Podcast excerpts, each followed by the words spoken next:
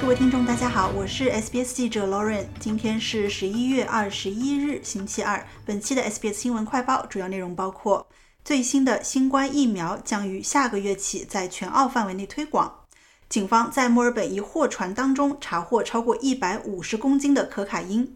新州一男子被控闯入养老院实施性侵并偷窃；西澳洲州长启程访华，以加强商业旅游纽带。下个月起，针对常见病毒变种毒株的最新新冠疫苗将在全澳范围内推出。联邦卫生部长马克·巴特勒表示，政府在听取了澳大利亚免疫技术咨询小组的建议之后，已经批准了针对奥密克戎亚变种病毒的单价疫苗。巴特勒部长说，这些疫苗将有助于保护澳大利亚人对抗当前流行的毒株，并表明政府将继续致力于提供最新、最有效的疫苗。他说：“虽然我们已经不再处于新冠大流行的紧急阶段，但新冠病毒仍然存在。人们应该继续听从免疫技术咨询小组专家的建议，包括按要求接种疫苗。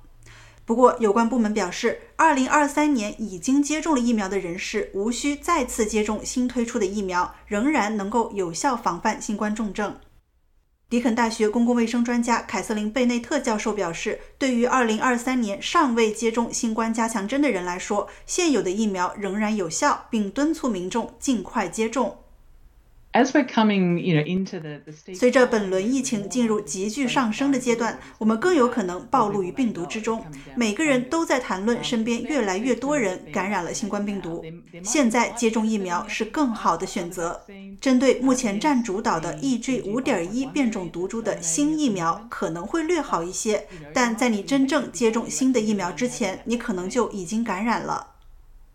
另一边。上个月，专业潜水员在墨尔本的一艘货船船体当中发现了超过一百五十公斤的可卡因。澳大利亚联邦警方已经证实了这批毒品的发现，并展开了调查，以确定其来源和预定的目的地。联邦警察局助理局长希雷克表示，这是短短两个月内的第二次类似事件。在此前的今年八月，另一艘停靠在墨尔本港的船只的海箱当中，曾被查获了两百公斤的可卡因。他表示，跨国有组织犯罪团伙使用这种走私手法的数量呈上升的趋势。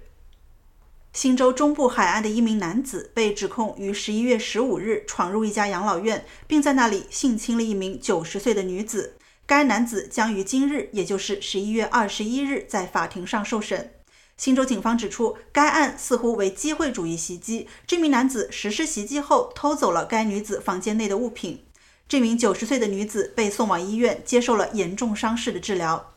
该案负责人杜尔蒂警监表示，警方并未发现，在袭击发生前，该男子、该养老院和受害女子之间有任何的联系。为了确保居民感到安全，养老院已经增加了额外的安保措施，但警方表示，他们目前没有持续的安全担忧。西澳洲州长罗杰·库克已启程进行对华官方贸易访问，旨在深化商业和旅游纽带。库克表示，他将与行业代表和中国政府的关键领导人进行密切对话。西澳商业和工业总商会首席经济学家莫雷表示，这次贸易访问对该州至关重要。他强调，中国占据了西澳洲全部出口的百分之五十五。我们对此行抱有希望。显然，澳中关系已经取得了显著进展，但我们仍期待在葡萄酒、新鲜龙虾贸易等方面看到一些限制的解除。这些是西澳社区非常重要的产业，虽然还有待取得更多进展，但我们对未来充满信心。感谢收听本期的 SBS 新闻快报，在任何的播客平台订阅 SBS 新闻快报并开启消息提醒，即可随时了解澳洲国内外新闻及社区资讯啦。